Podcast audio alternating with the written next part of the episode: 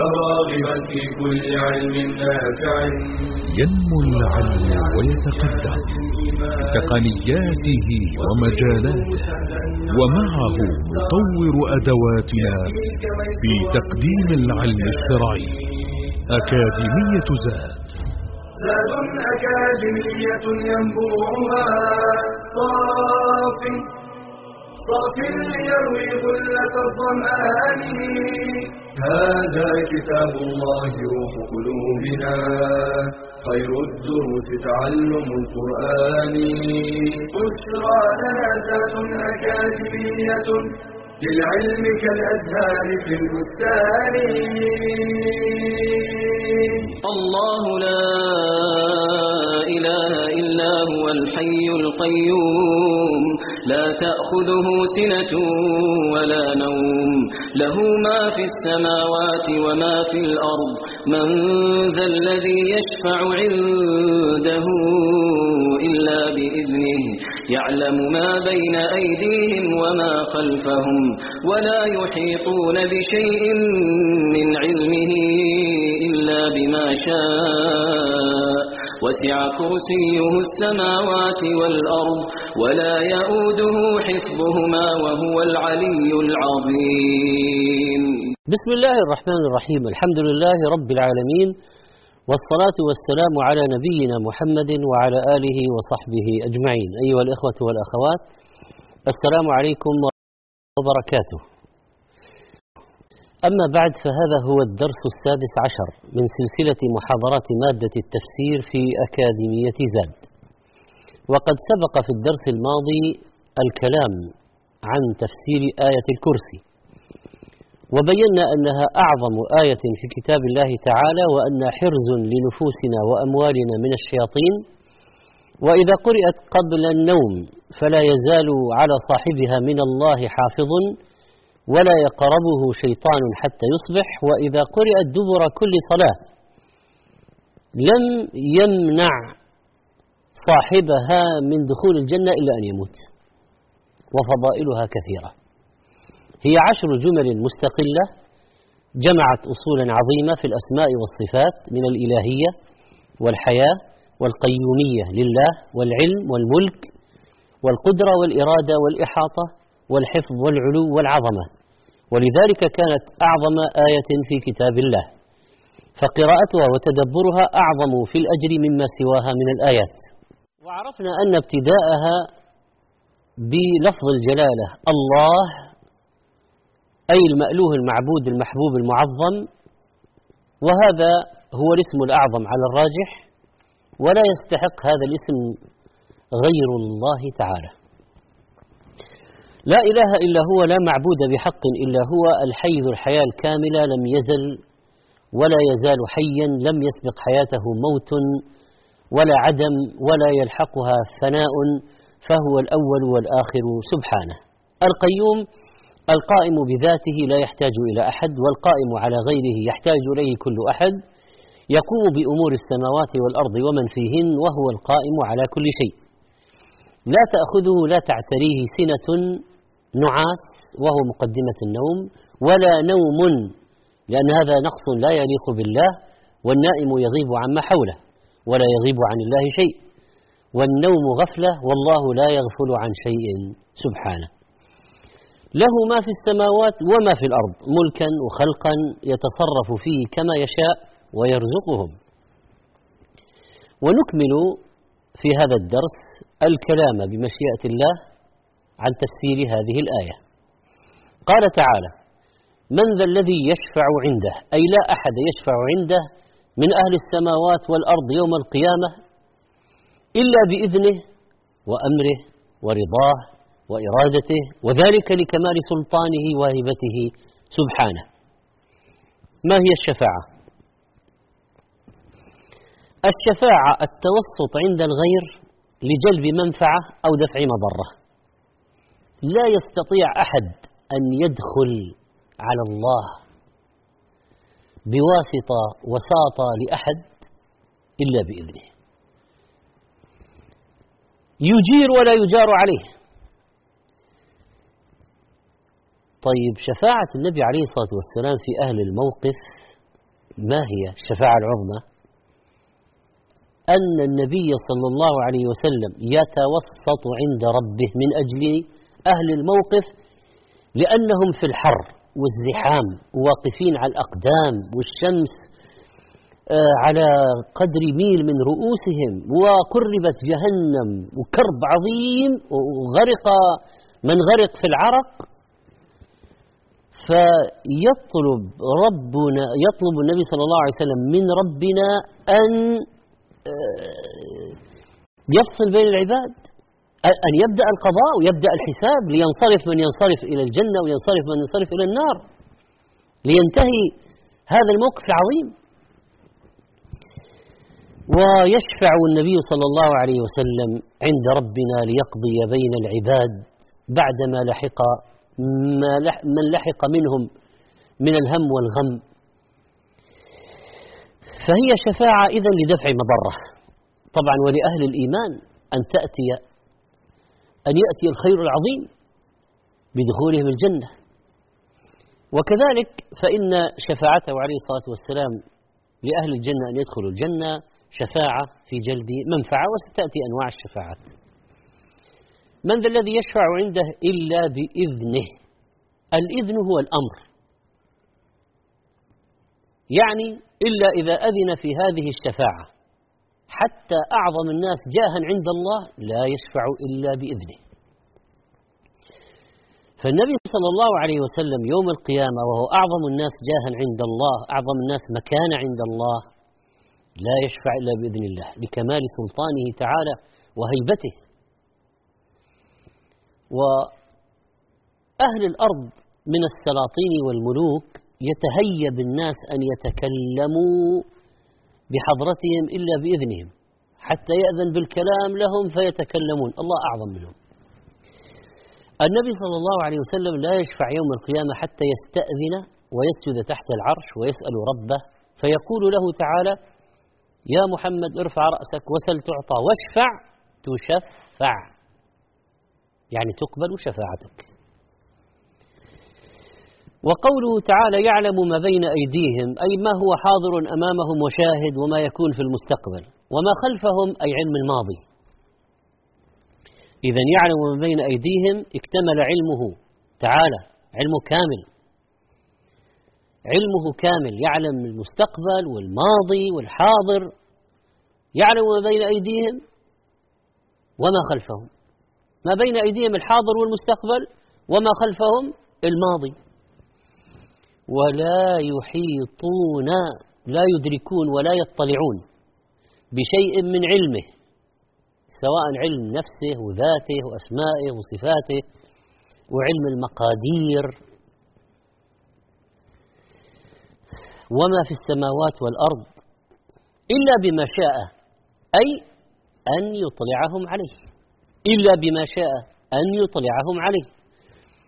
فقوله تعالى ولا يحيطون بشيء من علمه إلا بما شاء لها معنيان. المعنى الأول لا يحيطون بشيء من علم نفسه وأسمائه وصفاته وأفعاله إلا بما شاء أن يعلمهم إياه فيعلمونه.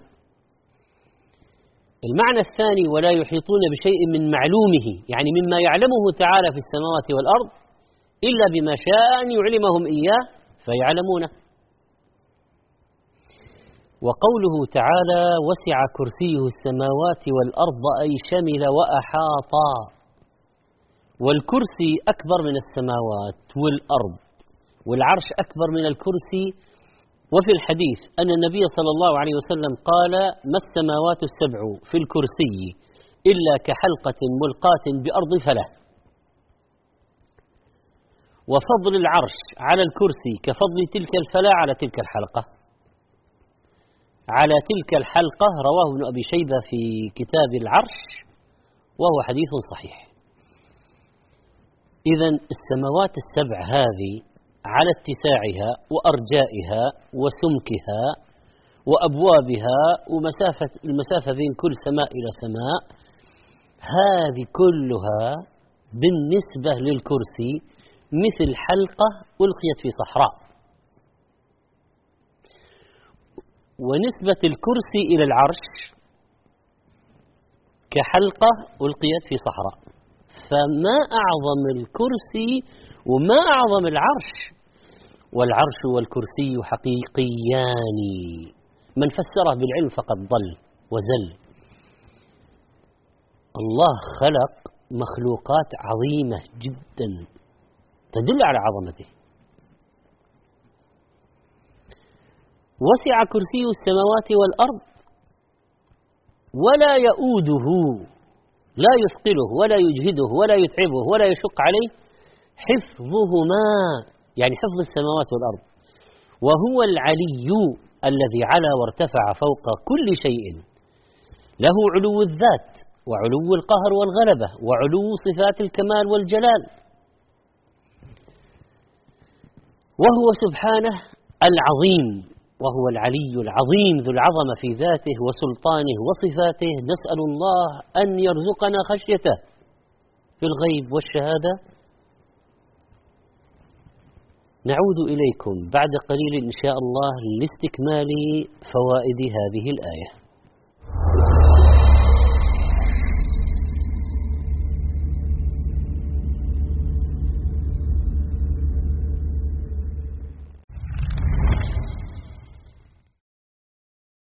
لقد شرع الله الدين للناس رجالا ونساء ووعد الجميع الجنة والحياة الطيبة إذا قام بواجبه. فقال تعالى من عمل صالحا من ذكر أو أنثى وهو مؤمن فلنحيينه حياة طيبة ولنجزينهم أجرهم بأحسن ما كانوا يعملون. وقد جاء الإسلام فأكرم المرأة وحملها مع الرجل مسؤولية النهوض بالمجتمع وحسن الرعاية له. فقال عليه الصلاة والسلام كلكم راع وكلكم مسؤول عن رعيته. وقد شغلت المرأة في العهد النبوي وما بعده مكانا رفيعا بمشاركاتها العلمية والاجتماعية والتربوية. وتصدر اسمها في قائمة المساهمين في بناء المجتمع وصياغة هوية الأمة والمحافظة على ثوابت الدين. ولا زال التاريخ يذكر أم المؤمنين خديجة وأم المؤمنين عائشة ونسيبة بنت كعب وأم حرام بنت ملحان وحفصة بنت سيرين وفاطمة بنت عبد الملك وزبيدة بنت جعفر وغيرهن رضي الله عنهن ورحمهن. ومن هنا كان للمرأة المسلمة دورها المهم والخطير في صياغة المجتمع مما أكسبها قيمة واعتبارا واحتراما لا مثيل له في المجتمعات الأخرى كما اعترف بذلك المنصفون من الغربيين. وبأنهم إنما تعلموا احترام المرأة من مسلمي الأندلس يقول المفكر الفرنسي مارسيل بوزارد. إن الشعراء من المسلمين هم الذين علموا مسيحي أوروبا عبر أسبانيا احترام المرأة. فللمرأة على ثغر الحياة الزوجية أثر خطير وفي التربية على الدين والخلق دور كبير وفي التعليم والدعوة والطب والرعاية مكانة ومسؤوليات. وقيام المرأة المسلمة بهذا وغيره له أثره الإيجابي في إصلاح المجتمع كله أسرا وأفرادا. وصدق عليه الصلاة والسلام حين قال إنما النساء شقائق الرجال.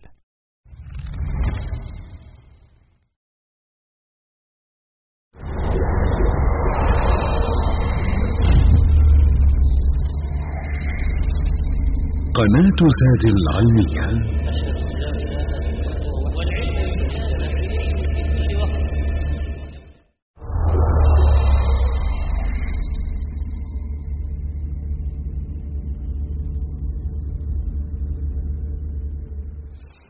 الحمد لله حياكم الله وعودة إليكم مرة أخرى أيها الإخوة والأخوات.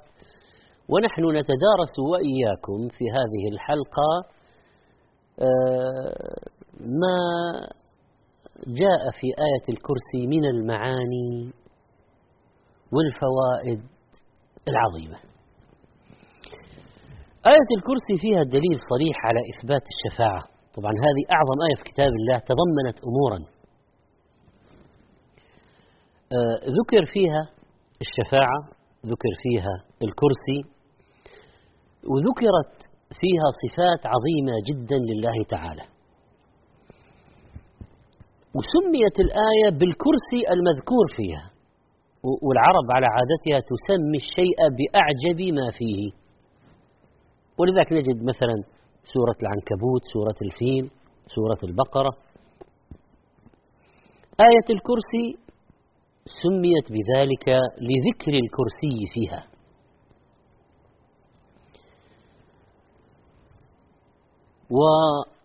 والشفاعة ثابتة بالأدلة الصريحة الصحيحة خلافا لمن أنكرها من أهل البدع. طبعا أهل البدع بعضهم يعني آه، كالوعيدية الفرقة هذه التي تقول إن الوعيد سيحل سيحل والعقوبة ستقع ستقع. آه، ما عندهم أن أحدا تحت المشيئة ما عندهم شفاعة لأهل الكبائر لأنهم يقولون أهل الكبائر في النار حتما. والأدلة دلت على خلاف قولهم الباطل. فلنتكلم قليلا عن الشفاعة المذكورة في آية الكرسي. الشفاعة عند الله سؤال الله التجاوز عن الذنوب والآثام للغير. وحقيقة الشفاعة أن الله تعالى بلطفه وكرمه يأذن يوم القيامة لمن شاء من الأنبياء والملائكة والصالحين أن يشفعوا عنده في بعض أصحاب الذنوب من أهل التوحيد إظهارا لكرامة الشافعين عنده ورحمة بالمشفوع فيهم. ولا تقبل الشفاعة عند الله إلا بشرطين.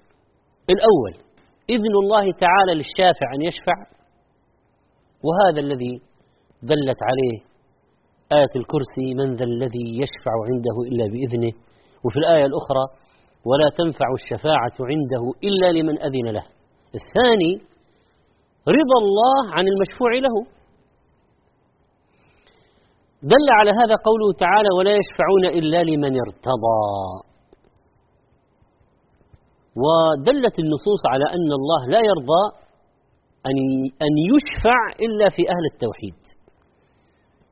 لما ثبت في الحديث لكل نبي دعوة مستجابة يدعو بها وأريد أن أختبئ دعوتي شفاعة لأمتي في الآخرة.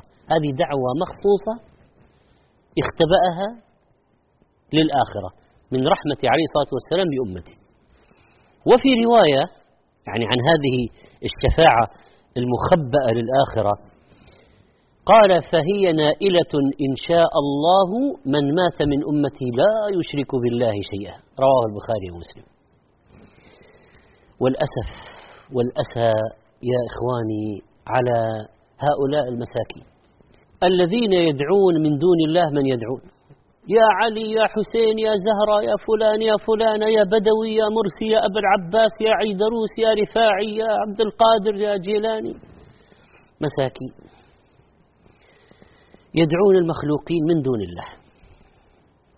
المدد النصر العافية الولد. وهكذا. يصرفون أنواع من العبادات لغير الله. ذبح لغير الله. طواف. لغير الله. نذر لغير الله.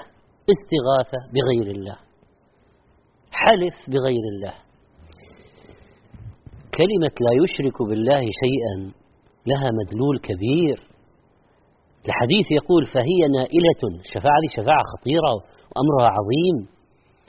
والذي ستشمله الشفاعة ستشمله الشفاعة سينجو يوم الدين الشفاعة فهي نائلة إن شاء الله من مات من أمتي لا يشرك بالله شيئا. يعني لا شرك أكبر ولا شرك أصغر ولا شرك خفي. ولا الناس يقولون ما شاء الله وشئت لولا الله وفلان أنت لي في الأرض والله لي في السماء. ولذلك لابد أن نحذر من أنواع الشرك. حتى تنالنا الشفاعة يوم الدين. وقال تعالى في الكفار فما تنفعهم شفاعة الشافعين؟ وقد دلت الأدلة من الكتاب والسنة على إثبات الشفاعة عند الله يوم القيامة. وأحاديث الشفاعة كثيرة. منها فيقول الله عز وجل شفعت الملائكة وشفع النبيون وشفع المؤمنون ولم يبقى إلا أرحم الراحمين. رواه البخاري ومسلم. يعني لله شفاعة يشفع عند نفسه من نفسه تعالى. سبحانه. ويخرج من النار آخر من يخرج منها ممن بقي في قلبه مثقال أدنى ذرة من توحيد. وقد صرح الأئمة المحققون بتواتر أحاديث الشفاعة وهي مشتهرة في كتب الصحاح والمسانيد من كتب الحديث. وقد ثبت لنبينا صلى الله عليه وسلم ثمانية أنواع من الشفاعة وهي أولا الشفاعة العظمى وهي شفاعته صلى الله عليه وسلم في أهل الموقف أن يقضي الله بينهم. وهي المقام المحمود وهذه الشفاعة مما اختص بها نبينا صلى الله عليه وسلم على غير من الرسل صلوات الله عليهم أجمعين. ثانيا شفاعته صلى الله عليه وسلم في قوم تساوت حسناتهم وسيئاتهم فيشفع فيهم أن يدخلوا الجنة. ثالثا شفاعته صلى الله عليه وسلم في أقوام استحقوا النار أن لا يدخلوها. رابعا شفاعته صلى الله عليه وسلم في رفع درجات أهل الجنة في الجنة. خامسا شفاعته صلى الله عليه وسلم في أقوام أن يدخلوا الجنة بغير حساب. سادسا شفاعته صلى الله عليه وسلم في تخفيف العذاب عمن كان يستحقه كشفاعته في عمه أبي طالب. هذه شفاعة تخفيف وليست شفاعة إخراج من النار لأن المشرك لا يخرج من النار. سابعا شفاعته صلى الله عليه وسلم في أهل الجنة أن يؤذن لهم بدخول الجنة. ثامنا شفاعته صلى الله عليه وسلم في أهل الكبائر من أمته ممن دخل النار أن يخرج منها. إذا في شفاعات لأهل الجنة. أن يدخلوها أصلا. ولبعضهم أن يدخلوها بلا حساب. ولبعضهم أن ترتفع منازلهم فيها. وشفاعة العظمى في فصل القضاء أن يبدأ الحساب. وينفض الناس من الموقف. وشفاعة لأناس استحقوا دخول النار أن لا يدخلوها. وشفاعة لناس دخلوها أن يخرجوا منها. وشفاعة تخفيف. دلت النصوص على هذه الأنواع كلها. في شفاعات خاصة بالنبي صلى الله عليه وسلم كالشفاعة العظمى وشفاعته في عم أبي طالب وشفاعته في أهل الجنة أن يدخلوها. وفي شفاعات يشاركه فيها غيره بقدر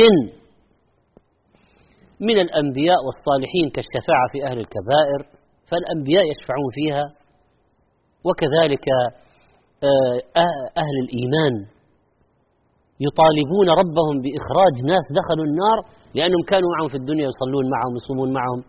معية معية أهل الخير معية أهل الخير تنفع. هذه نبذة عن موضوع الشفاعة التي تضمنها أو تضمنتها هذه الآية العظيمة. نسأل الله سبحانه وتعالى أن يجعلنا من أهل الشفاعة الذين يشفعون ويشفع فيهم. إنه سميع مجيب. وقفة قصيرة ثم نعود إليكم إن شاء الله.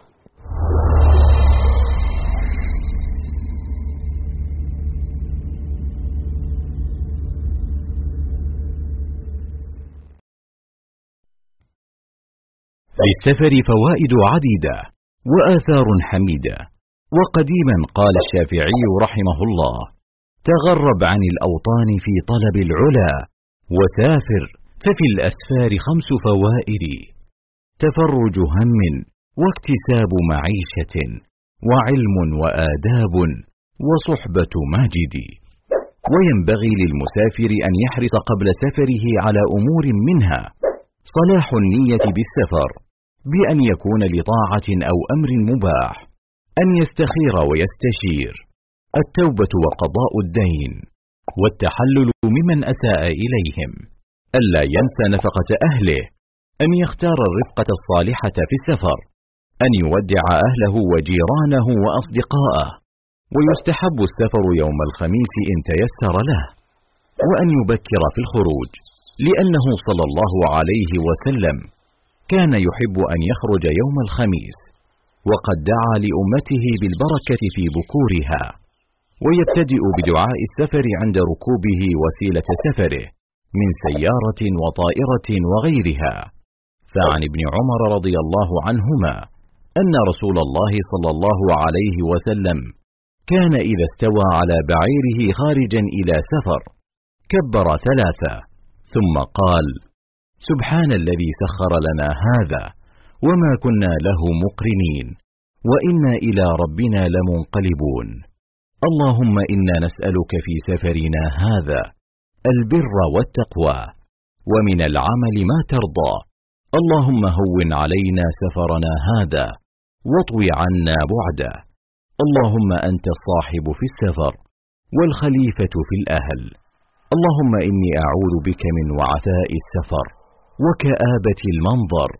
وسوء المنقلب في المال والأهل كما يستحب له السرى وهو سير المسافر آخر الليل لقوله عليه الصلاة والسلام عليكم بالدلجة فإن الأرض تطوى بالليل وينبغي أن يكون الذكر صاحبا له وانيسا والدعاء قرينا له وسميرا فهو مظنة الإجابة وإذا أشرف على قرية أو بلدة دعا قائلا اللهم إني أسألك خيرها وخير أهلها وخير ما فيها وأعوذ بك من شرها وشر أهلها وشر ما فيها وإن نزل منزلا دعا وقال أعوذ بكلمات الله التامات من شر ما خلق فإنه لا يضره شيء حتى يرتحل من منزله ذلك وينبغي للمسافر أن يحرص على الأذان والإقامة والإتيان برخص السفر كقصر الصلاة الرباعية ركعتين وكذا الجمع إذا كان سائرا فإن كان نازلا في مكان فالأفضل الصلاة على وقتها قصرا ويجوز له الجمع ويستحب له ألا يطيل في السفر وأن يعجل إلى أهله إذا قضى حاجته فإن عاد من سفره ودنا من بلدته قال آيبون تائبون عابدون لربنا حامدون. الإسلام سؤال وجواب موقع إلكتروني ومحرك بحثي يقدم الفتاوى والإجابات الشرعية الاستشارات التربوية والاجتماعية. المشرف العام على الموقع فضيلة الشيخ محمد صالح المنجد. تم إنشاء الموقع عام 1417 للهجرة الموافق لعام 1996 للميلاد. اعتمد الموقع العديد من اللغات الأجنبية في تقديم خدماته والتي بلغ عددها 12 لغة. تجاوز عدد الزيارات السنوية على الموقع 36 مليون و900 ألف زيارة وتجاوز عدد الصفحات المستعرضة 193 مليون و3 316 ألف زيارة. الموقع على الشبكة الاجتماعية. رياض الأصالة زاد المنى تضيء الليالي وتمحو الدجى تفوح بطيب الكتاب المبين على نسمات الهدى والصفاء على نسمات الهدى والصفاء سبيل الرشاد بشير العباد رحيق الشهاد وقطر الندى. هي الزاد زاد العلا والدنا لزاد الحياة وزاد التقى. لزاد الحياة وزاد التقى. مشاعل خير تنير البلاد مناهل تروي أنين الجوى. إذا هزني الشوق نحو السناء قناتي يزداد رفيق السرى. قناتي يزداد رفيق السرى.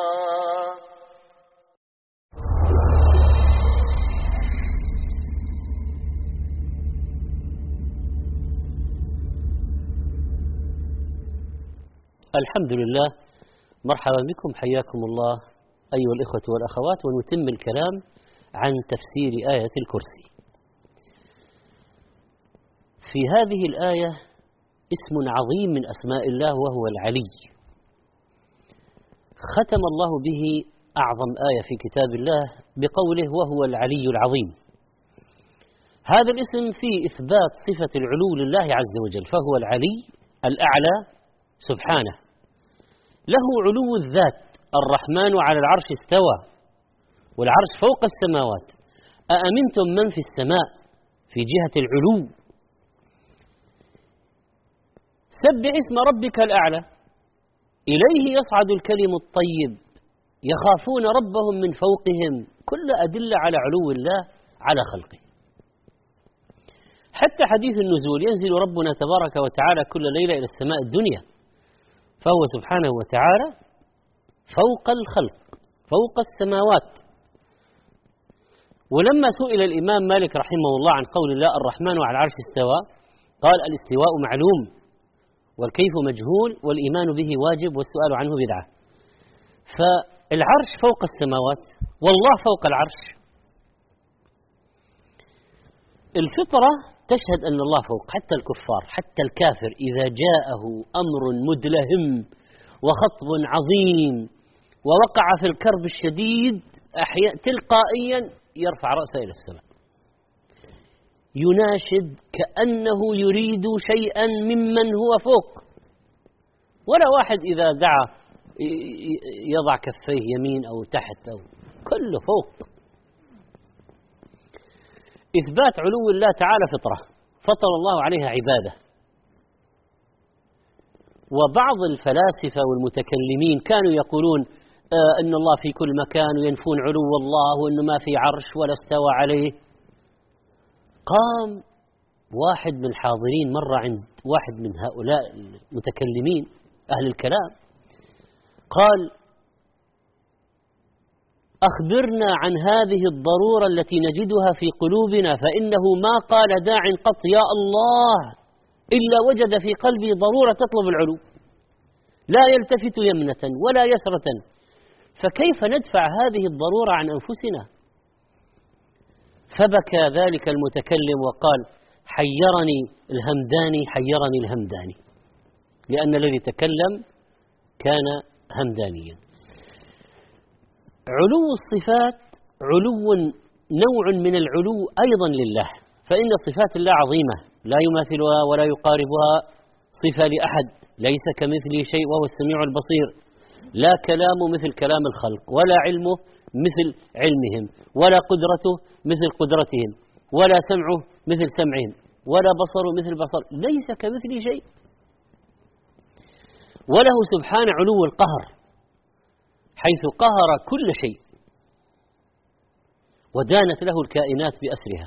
أكبر مجرم في العالم الله يقسم ظهره ويأخذ روحه ويحكم عليه بالموت ويفني جميع الخلق نواصيهم بيده. لا يتحرك منهم متحرك ولا يسكن منهم ساكن إلا بإذنه وهو القاهر فوق عباده. خضعت له الرقاب وذلت له الجبابرة وعنت له الوجوه وقهر كل شيء. له الكبرياء والعظمة. وله سبحانه علو الوحدانية والتنزه عن الشريك والند فهو الواحد الأحد الذي لا شريك له. قل لو كان معه آلهة كما يقولون إذا لابتغوا إلى ذي العرش سبيلا. سبحانه وتعالى عما يقولون علوا كبيرا فهو الإله الحق. ومن دونه من الآلهة باطلا. ذلك بأن الله هو الحق وأن ما يدعون من دونه هو الباطل. وأن الله هو العلي الكبير. وله سبحانه علو التنزه عن إفك المفترين. وعن كل شتيمة وعن كل أذى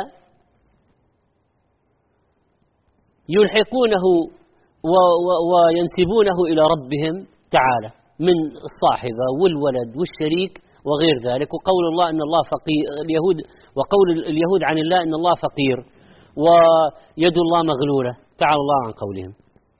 له علو التنزه منزه عن كل هذا. سبحان ربك رب العزة عما يصفون. منزه عن جميع النقائص والعيوب. وله تعالى آه التنزه عن الشريك والظهير والولي والنصير.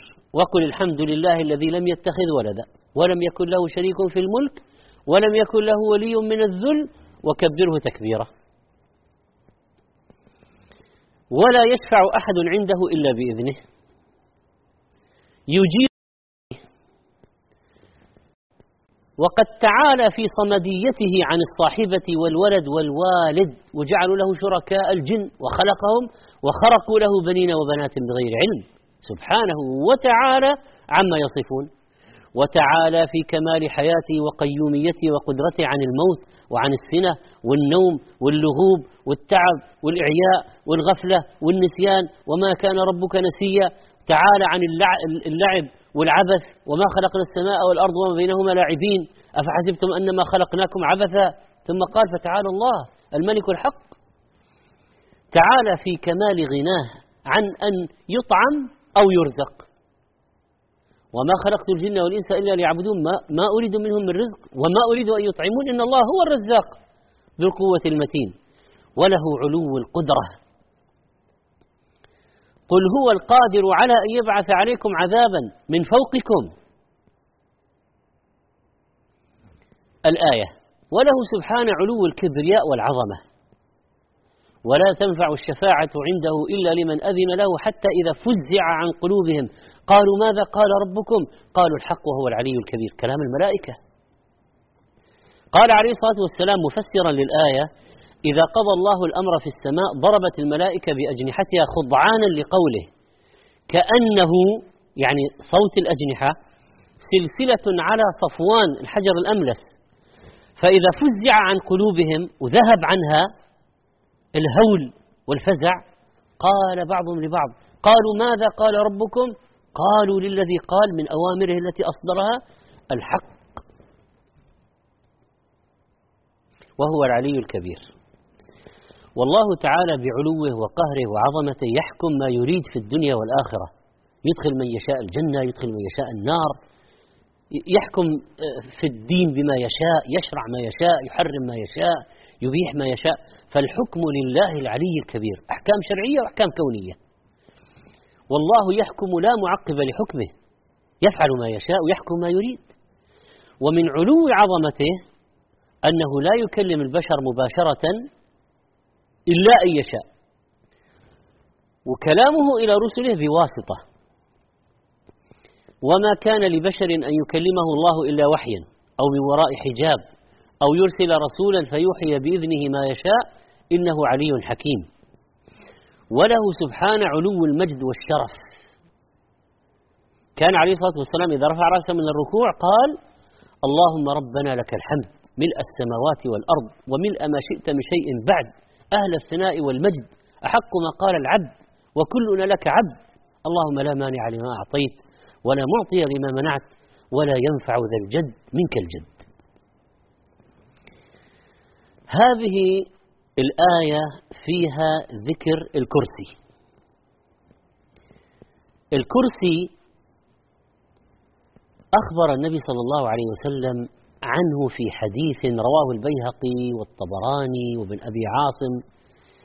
عن بريدة قال لما قدم جعفر من الحبشة لقيه النبي صلى الله عليه وسلم فقال أخبرني بأعجب شيء رأيته بأرض الحبشة. قال مرت امرأة يعني من رهابينهم امرأة متدينة من من أهل الحبشة. لم شاهدها آه، جعفر لما أرسله النبي عليه الصلاة والسلام الحبشة. مرت امرأة من رهابينهم عجوز على رأسها مكتل فيه طعام. فمر بها رجل على فرس في رواية شاب أهوج. فدفعها فوقعت وانكسرت الجرة.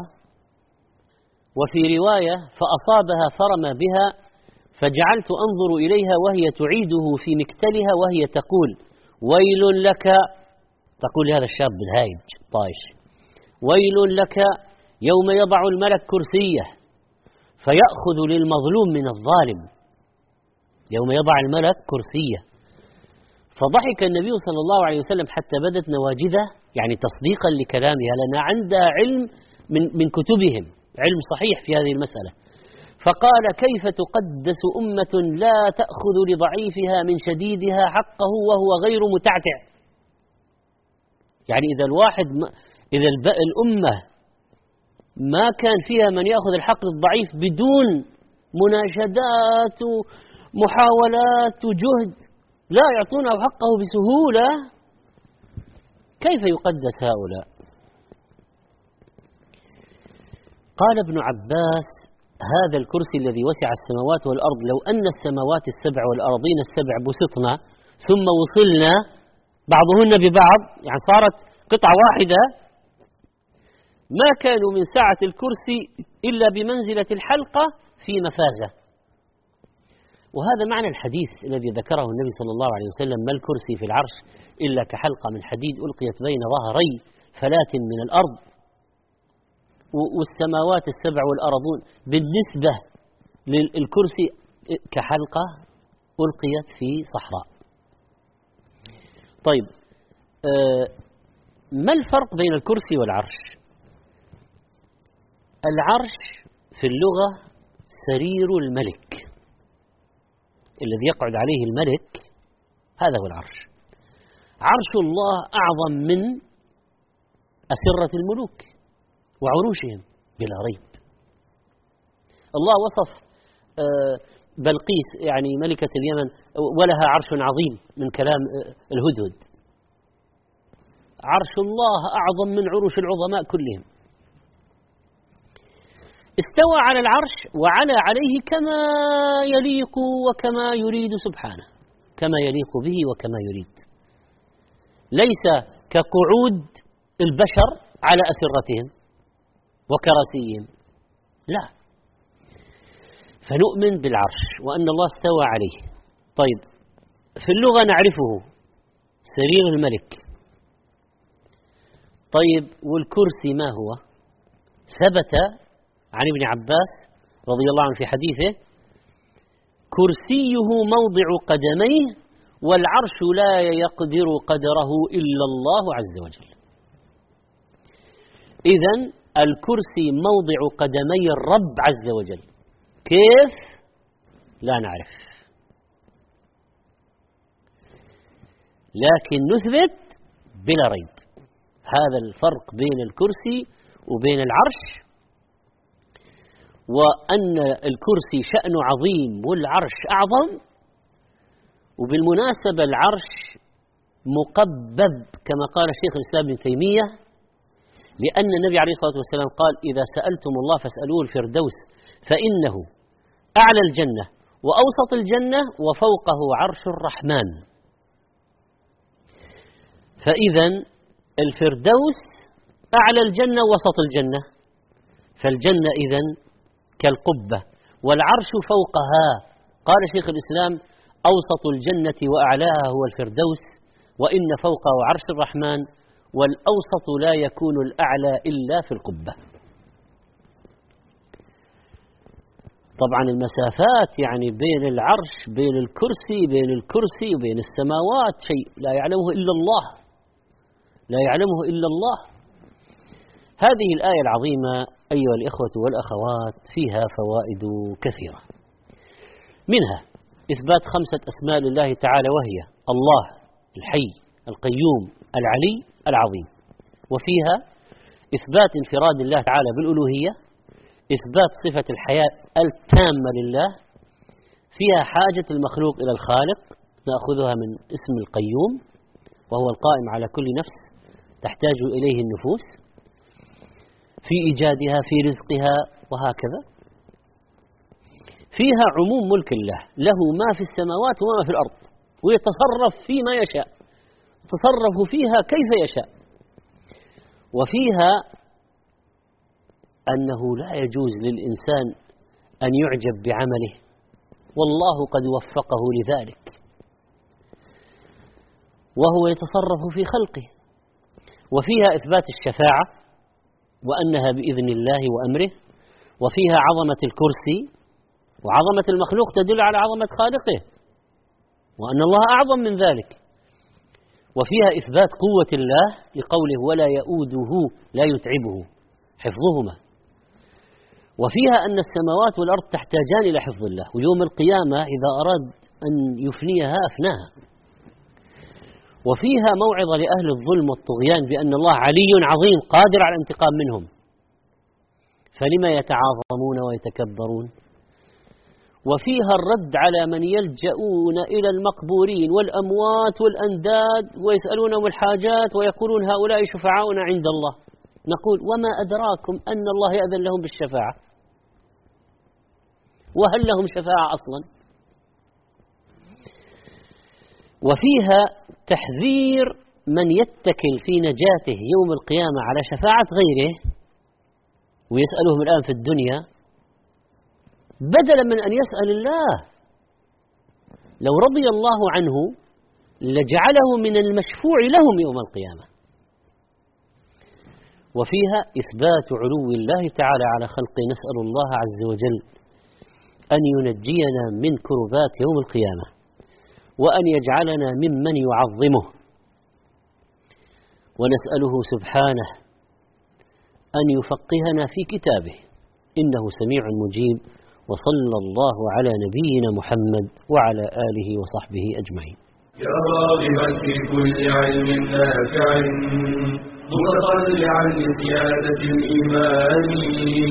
وتريد سهلا النوال ميسرا يأتيك ميسورا بأي مكان. زاد زاد أكاديمية ينبوعها. صاف صاف ليروي غلة الظمآن. هذا كتاب الله روح قلوبنا. خير الدروس تعلم القرآن. بشرى لنا ذات أكاديمية للعلم كالأزهار في البستان.